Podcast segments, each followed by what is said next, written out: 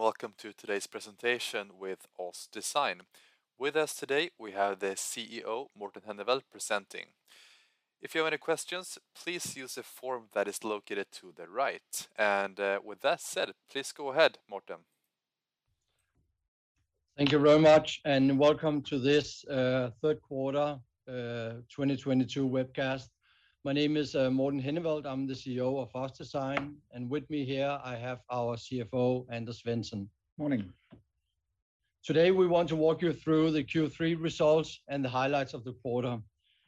And there are really two things that stand out when concluding the third quarter. We again report a record-breaking revenue growth, and we now also start to see the truly transformative potential of our nanosynthetic bone graft, OssDsign Catalyst. We also, for the first time, break out sales by franchise and show you how the commercialization of OssDsign Catalyst is going, which we are extremely pleased with. As always, uh, when we do this presentation, the normal disclaimer. So why are we here? Well, the we are here because the current bone replacement products fail to heal a wide range of skeletal defects. For cranial, 10% or perhaps even more of implants used end up becoming infected, of which many needs to be removed. For spine, we also know that one in five patients do not achieve a successful outcome, a so-called fusion. Ultimately, for both patient groups, it means that they must undergo revision surgery, which is not only painful for the hundreds of thousands of patients this happens to every year, but also extremely costly to the healthcare system and the society. If we then go to the highlights of the quarter, as I mentioned earlier, this is a quarter we are very proud of and which we believe actually will uh, exceed many expectations. We accelerated significantly in Q3 and recorded another record sales quarter, getting very close to triple-digit growth for the entire group. The U.S. was again the highlight of the quarter with triple-digit exponential growth, making it the largest commercial region uh, once again in the quarter, exactly in line with our corporate strategy. We also saw an exceptional strong acceleration of OssDsign Catalyst, which now already in the first year after launch is a very meaningful part of our business. But that's of course not enough. We're also gonna keep increasing the growth opportunity, which is key for us going forward. And after the quarter ended, we announced the launch of a new size of OssDsign Catalyst to really complement the size range in the family, and this allows us to target additional procedures in the future. Then last week, we also came out with the first post-market safety report on OssDsign Catalyst, which shows a remarkable 0% device-related uh, complication rate.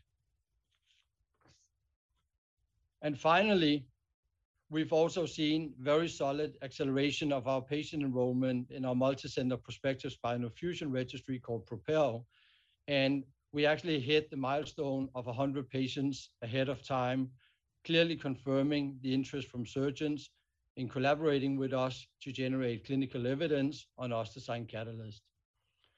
I'll now hand you over to Anders to walk us through the financial results. Yes. Thank you. If we turn to the results for the third quarter, we reported 7.5 million in sales, which uh, is almost double what we did in Q3 last year, uh, as Morten was alluding to. Uh, we had some strong U.S. dollar assistance in this, but even without that, on a constant currency basis, it's still 71% growth. So a really good growth in a market that's still far from normalized. Going to the first nine months then, we reported 37.1 million SEK in sales. That's 64% growth, slightly lower than the quarter. Um, 49% on constant currency basis, and that's all to do with the first quarter of the year, which was a bit depressed due to Omicron. So you'll always see lower year-to-date growth rates for this year. Turning then to sales by geography. We have um, a really strong growth quarter from the U.S. You can see that they really accelerated to 10.8 million SEK in sales. That continues the strong momentum that we saw already in the second quarter, and they actually came in at an exponential growth of 144% in Q3. That now means we have a year-to-date growth of 117% in the U.S. And uh, to make things even better, the quarter we're comparing with, Q3 last year, was actually the previous all-time high uh, for the U.S. So that makes those growth numbers really an outstanding achievement by our U.S. team. In Europe, then, we reported 6.7 million in sales. We managed to grow the business by 49%. That's uh, very pleasing to us to see that the growth rates have increased since we restructured the EU sales force over the last year. And this is also in line with what we guided after Q2. So All in all, a very strong quarter driven by the U.S., and uh, we're quite satisfied with that. And I just want to spend one more minute on the U.S. figures. This is the a bar chart of the last 12 months sales in every bar in the U.S., where you can see that how it's really taking off. Um, You can see the very strong trajectory starting in Q2 already, and now we can see how it's from the last four quarters really accelerating even more. So steady growth up until four quarters ago, four, or five, and then uh, we can see exponential growth. And also, we talk about growth profiles and growth and also looking at the absolute numbers here. We came to the U.S. market in 2017. We worked very hard on breaking through and establishing a business over there.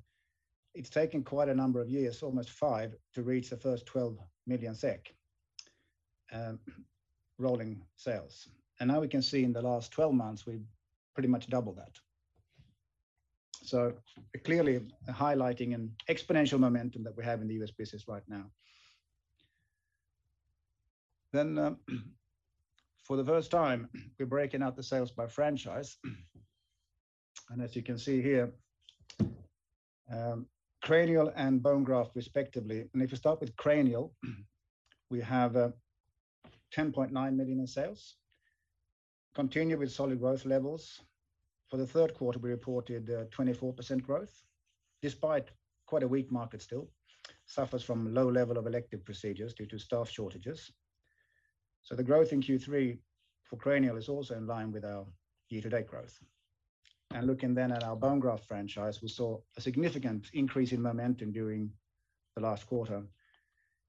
And that's as a result of more hospital approvals happening, both in the second and the third quarter. Um, whilst I wouldn't pay too much attention to the growth numbers, as this is still within the first year of launch, so you're comparing with extremely low numbers. Um, reporting 6.6 million in sales during the quarter is clearly indicating the scalability and the transformative potential in OssDsign Catalyst. And um, this performance has certainly exceeded our expectations. Then shifting to global sales contribution by franchise. As you can see here, very strong Catalyst numbers also mean that um, bone graft actually represented 38% of sales for the quarter, so a big chunk of our business. And for the first nine months, it's 25%. This means really that already in the first year, that OssDsign Catalyst is now a very meaningful part of the business. And also as it has higher gross margin, it also positively impacts both profitability and cash flow. So those were the figures. I'll hand you back to Morten. Thank you very much, Anders. Um so I want to walk you through some of the highlights that we also announced during the quarter and after the quarter ended. If we start with the first line extension of OssDsign Catalyst, uh, I do want to add a few words uh, to that. It's a new 1 cc uh, size targeted at additional procedures aimed at cervical spine, so the upper part of the spine, but also for potential usage in smaller extremities. Um, we are expecting to launch this product latest in the first quarter of next year. I just want to emphasize here that our strategic focus fully is on spine surgery. but as we also know that a number of foot and ankle surgeons are high users of bone graft, and we do come across these once in a while, of course, we'll also make the product available to them. So why is it important with a smaller size? Uh, because, you know, uh, not surprisingly, ASP, of course, is lower on a smaller size, but the 1cc extension is strategically important for a number of reasons. First and foremost, it completes the size range of OssDsign Catalyst, which now ranges from 1 to 10 cc. So we are able to cover all spine procedures. Um, it also broadens access to procedures we are not really in today in cervical spine and, and, and in the small extremities that I talked to previously. Having a complete size range certainly also increases competitiveness in hospital approval processes and also allows us to deepen our surgeon usage as essentially if we can provide a full size range, then a, surgeon will not need any competitor products on the shelf. The 1cc also brings a, a, specific, a specific opportunity to target what we call ASCs, ambulatory surgery centers. Many surgeons work part-time in some of these centers, and this will simply allow us to reach broader into the surgeon population. And as we already know and hear from most surgeons that handling is one of the absolute best features of OssDsign Catalyst, it's all about getting surgeons to try the product. And once we do, we of course hope to get them to champion the full range in their main hospitals. There is also another opportunity. Is more mid to long term, but of course, if we ever wanted to, to expand into other orthopedic disciplines, then certainly 1cc also has application areas in uh, other areas such as trauma, sports medicine, and upper extremities.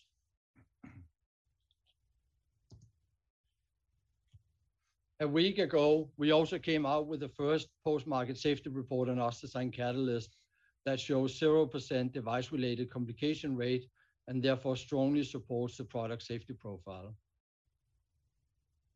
During the period, which is from launch in August 21 until the uh, end of August this year, we sold 511 units of OssDsign Catalyst and only four complaints were reported.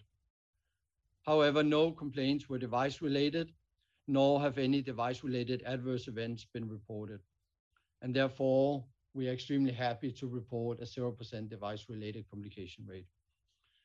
So why is this important? Well, when launching a new product, it is a, it is a class three device.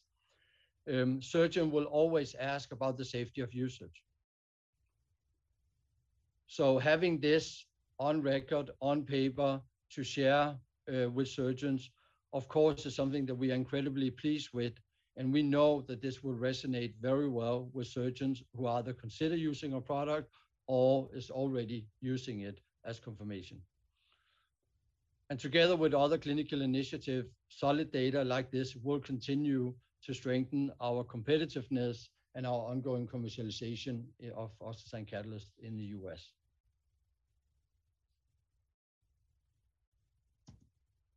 I also want to talk a little bit uh, to to cranial because we had recently had a scientific paper published. It is made by an independent clinical research team in New York, led by Dr. Rame, who reported results from a retrospective study which was published in World uh, Neurosurgery.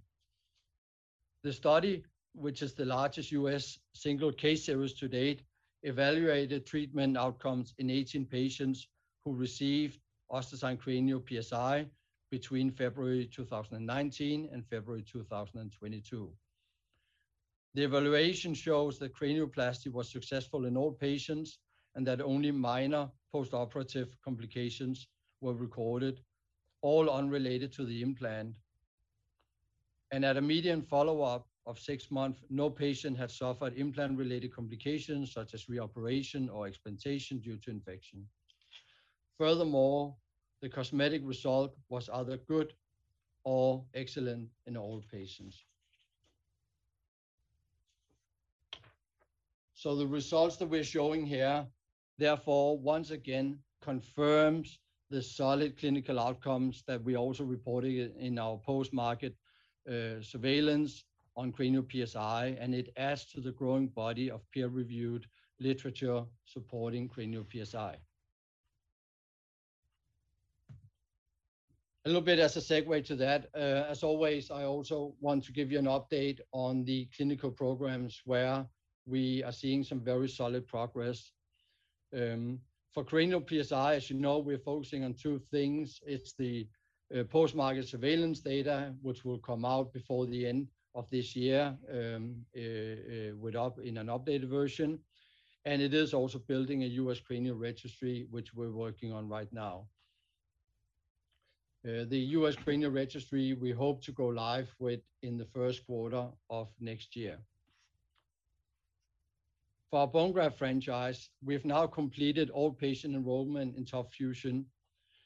There are now a number of patients that have completed their six-month follow-up, and we've also just received the first patient at one year. I think very importantly here, um, what we have seen is 100% what we call follow-up compliance, or said in another way, we have 0% loss to follow-up, meaning that every single patient have come in as per the protocol for the scheduled follow-ups that they needed to have. That, of course, we're extremely pleased with because that ensures that we have uh, continuous data recorded and of course, ultimately, Uh, aim to get 50, minimum 15 evaluable patients out of that study. PROPEL is also now growing at full speed, and as we mentioned, we hit the milestone of 100 patients ahead of time. More sites are currently included, and we hope that patient enrollment will continue to increase as we look forward. The sooner we collect clinical data, the faster we can simply generate publications with clinical evidence, so this remains an absolute top priority for us. We also provided some guidance and some milestones for the second half um, uh, of this year, and we're extremely pleased to see now that all the guidance that we set out, the milestones that we communicated, have been delivered on.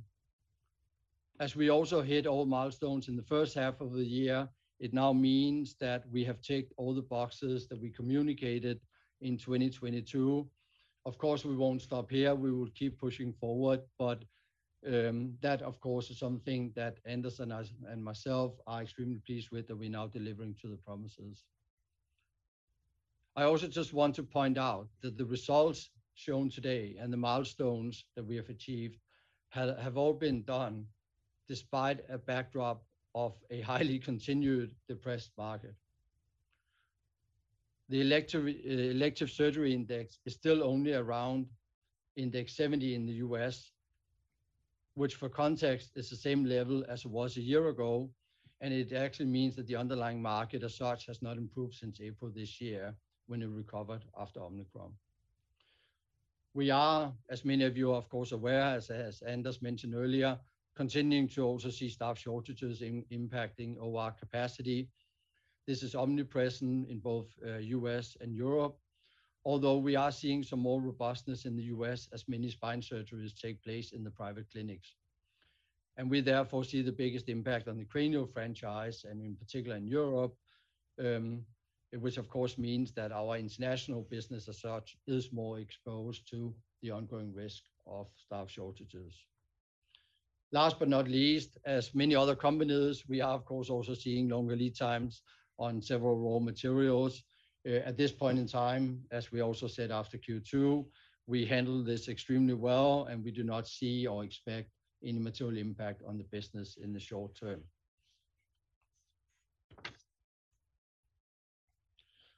So going forward, um, we will continue to execute on the strategy. It is clearly working uh, with the numbers we are reporting today and the growth profile the company currently has. So um the five priorities that we uh, shared with all of you in the beginning of last year still stand, and we are working uh, according to those day in and day out. As a final remark before we go to to Q&A, I hope everyone like us really see the momentum and the acceleration that we have in the business right now and are pleased with the Catalyst commercialization and the results that we share today. With more products and more clinical evidence in the future, we clearly expect to see further growth acceleration. In a market that remains suppressed, staff shortages, canceled and postponed elective surgeries, Uh, and certainly not at a level where it was pre-pandemic, we are extremely satisfied with the overall performance in the quarter, and it also means that we remain confident about the future sales trajectory for OssDsign. We have clearly turned a uh, corner uh, in the company with a stronger product offering and greater scalability, which ultimately will accelerate value creation. And with that, I wanna thank you all for listening to the presentation, and I'll hand over to the operator for questions. Thank you for that presentation. Now we'll jump into the Q&A section. We'll start with the first question. You show year-to-date sales and Q3 sales for the Orthobiologics. Is it possible to share the per quarter financials so we can see the quarter-on-quarter growth, or at what rate it grew from Q through, Q2 to Q3? Well, we uh, anything is possible, but we show this the same way we show the geographic split to be consistent with um, the other numbers. And if I can just add, when we are uh, walking through the uh, last 12-month slide that Anders shared on the U.S., you can see clearly the the split in the franchises and that, which will also give you an idea that the acceleration primarily came in from Q2. You know, we launched technically in August of last year. As many of you know, you need to go through VAC approvals. In a normal world, that takes about six months, uh, a little bit longer these days. But that, of course, means that we only really started to, I would say, sell probably from Q2 and onwards. Uh, anything beyond before that was was fairly minimal. Okay. Thank you. We'll take the next question. Could you remind us of the revenue recognition of Catalyst? Is that being booked when the product is in use is used in surgery or when it's shipped to customer? And if it's the former, how many units have been dispatched to hospitals? Well, that varies a little bit from customer to customer. We book it when we sell it, which means that if it's a customer who buys it outright and keeps their own stock, revenue is recognized when we deliver it. But for most customers in the U.S., they we actually keep consignment stock, which means we just provide the goods. It sits on their shelf, but we still own it, and then its uh, revenue is recognized when it's used. Okay. Thank you. And uh, have you received any specific feedback from surgeons regarding Catalyst, and is there any pushback? Uh, well, you know, I think the the the normal pushback, um, which we also talked to about our post-market safety, is the very first question you get from all surgeons is how many has been used and who else is using it. Uh, I think that is by far um, uh, the biggest question we get, which we of course, with the post-market data we have right now, really can have a meaningful conversation around and and show surgeons.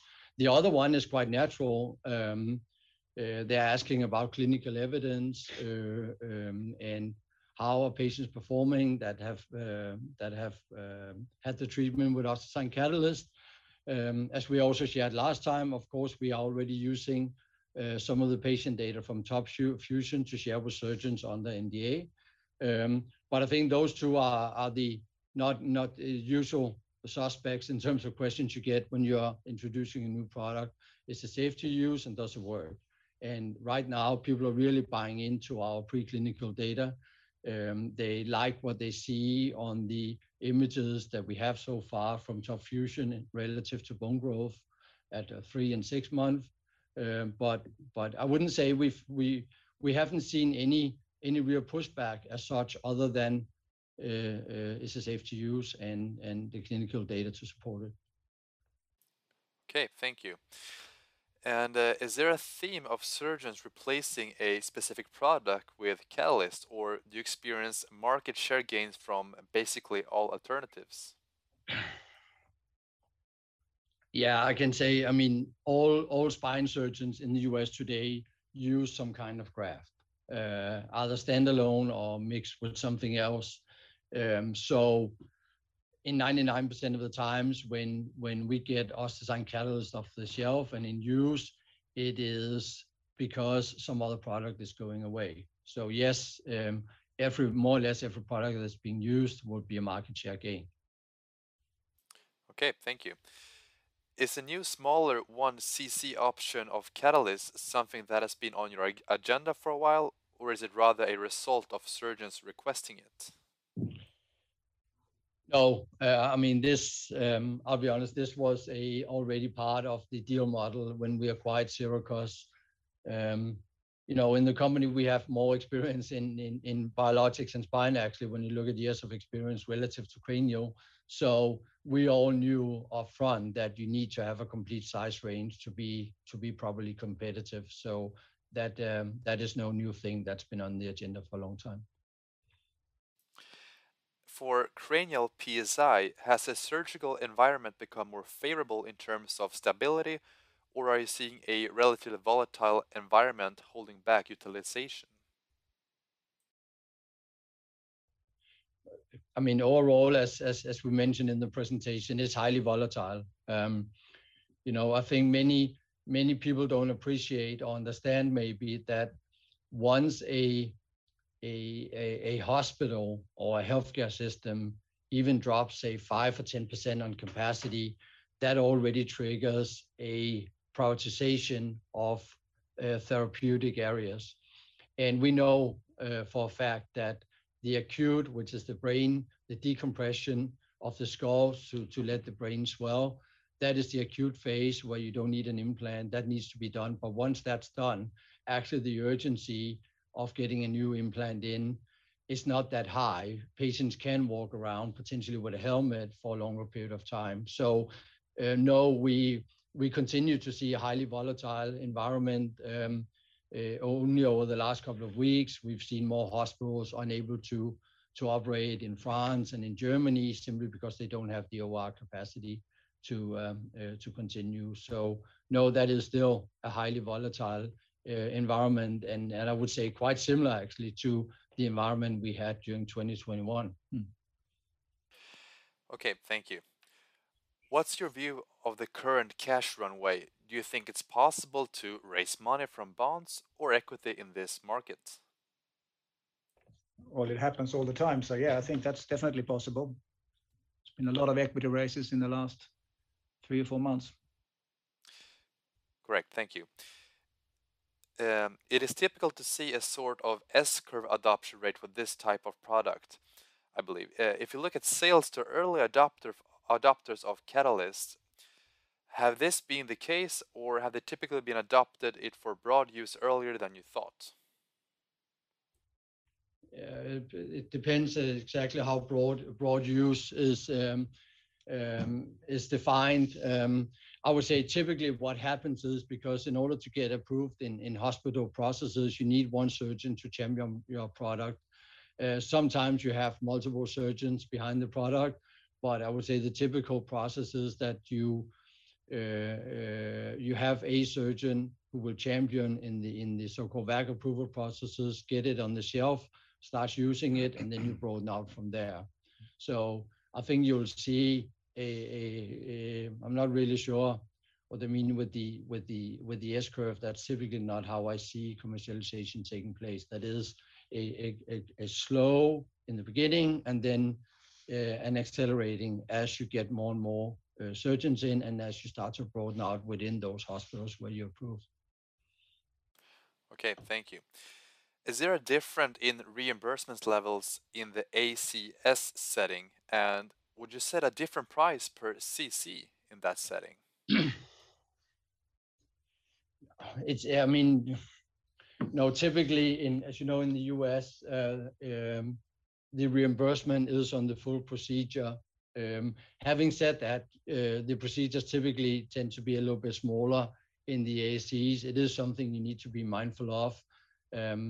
For now, we haven't seen any any price variation between that segment and any other accounts. Uh, uh, but we do know for for hardware and so on, they do tend to have a certain level of price difference, uh, but not for us so far. Okay, we'll take one last question. Is there something that you're looking forward to in 2023? There are many things we look forward to. Um, um, Of course, right now we look forward to continue the acceleration that we're seeing right now.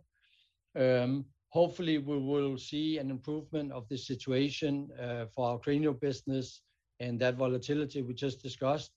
And then clearly we look forward to seeing Catalyst becoming an even bigger part of the um, the company accelerating more and start to contribute because of a higher gross margin even stronger to uh, to the group.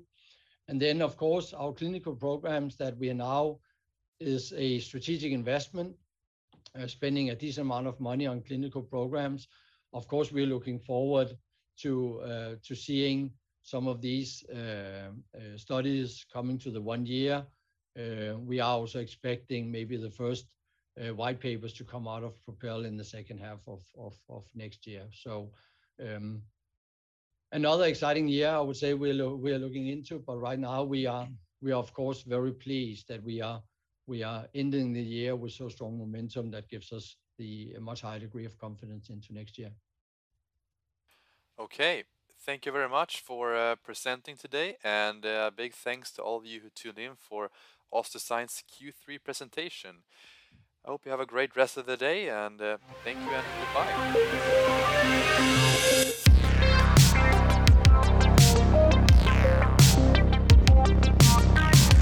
Detta är en produktion från Finwire som gjorts i samarbete med bolaget. Inga personer i produktionsteamet ägde aktier i bolaget vid inspelningstillfället. Glöm inte att prenumerera på Finwire-podden här på Spotify samt följ oss på YouTube, LinkedIn, Twitter och även Instagram. Länkarna dit hittar ni i beskrivningen. Tack så mycket för att ni har lyssnat.